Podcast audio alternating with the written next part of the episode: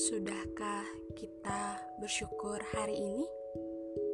Mungkin kalimat itu merupakan pernyataan yang sangat sederhana, namun memiliki makna yang sangat besar. Mengeluh sepanjang hari tentang kenyataan pahit yang kita hadapi saat ini karena pandemi COVID-19 tidak akan mengubah kenyataan. Mengeluh mungkin menjadi sifat manusia, namun untuk sadar saat ini berpikir realistis adalah jalan yang harus ditempuh.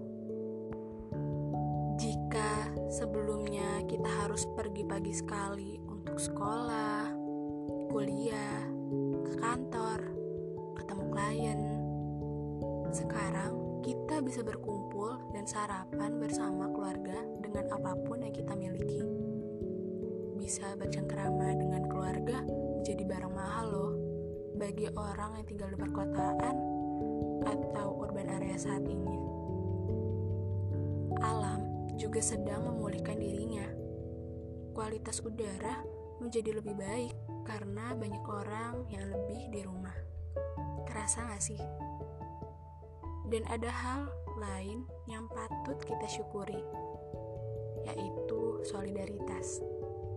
Kesetiakawanan dan gotong royong muncul di situasi seperti ini ketika banyak orang terdampak secara ekonomi dan kesehatan. Publik langsung tergerak untuk membantu dan mendonasikan apa yang mereka punya. Gue salut deh sama kita semua.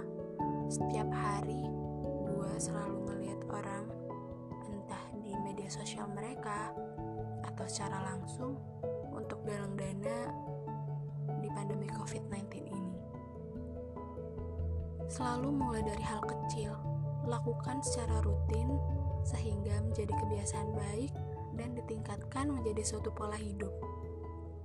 Nelson Mandela pernah ngomong, ketika kita membiarkan cahaya kita sendiri bersinar, kita secara tidak langsung memberi izin orang lain untuk melakukan hal yang sama. Jadi, sudahkah kita bersyukur hari ini?